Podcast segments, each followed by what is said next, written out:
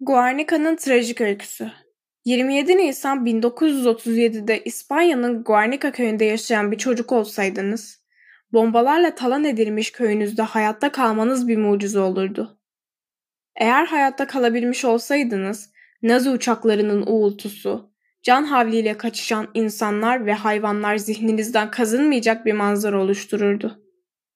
İşte Guernica'da yaşanan bu katliamı anlatmak üzere Pablo Picasso, Haziran 1937'de devasa Guernica tablosunu yaptı.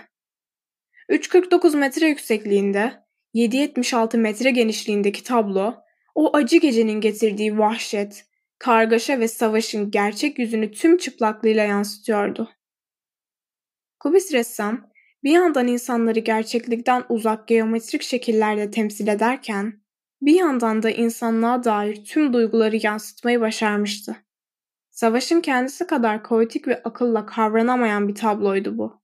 Sahi, dünyamızda herkese yetecek kadar yer olmasına rağmen güç, para ve iktidar için bunca acıyı ve tahribatı nasıl açıklayabilirdi? Aklın izah edemediği bir olayı realistik bir şekilde resmetmek işe yarar mıydı? Sürrealizmden etkilenen ressam, savaşın kendisi kadar absürt şekiller alan insan yüzleri, bedenleriyle üç boyutlu nesneleri iki boyutlu hale getirmeyi tercih etti.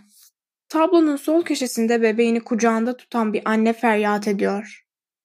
Annenin yüzündeki dehşet ifadesinin aynısını bebeğin yüzünde göremiyoruz.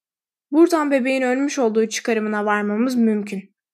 Yerde elinde kırılmış bir kılıç taşıyan bir asker veya sivil yatıyor. Atlar bombaların yarattığı sığır edici seslerden ürkmüş. Atın hemen yanında elinde fener uzatan el gözümüzü tablonun sağ kısmına çekiyor.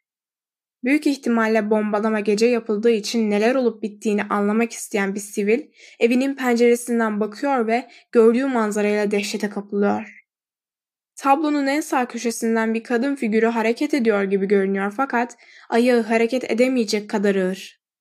Bu ağırlık hissi kadın vücudunu hareket ettirmek için uzatsa dahi gitmesini engelleyecek izlenimi uyandırıyor. Savaştan kaçmak istese de belki enkaz altında kalmış belki de ayağı sakatlanmış biri olduğunu anlıyoruz. Bu kadının arkasındaki diğer figür de aynı dehşet ifadesiyle tablonun içine hapsolmuş gibi. Sanat gerçekleri fark etmemizi sağlayan bir yalandır demiş Pablo Picasso. Sanatını politik bir protesto aracı olarak kullanan Picasso'nun eseri, onun ölümünden çok sonra bile bize Guernica'daki hayatını kaybeden yüzlerce kişinin hikayesini anlatmaya devam ediyor. O hikayenin tüm detaylarını bilmesek bile bu tabloya baktığımızda bize savaşın yıkıcı doğasını hissettiriyor. Çağla, Çağlayan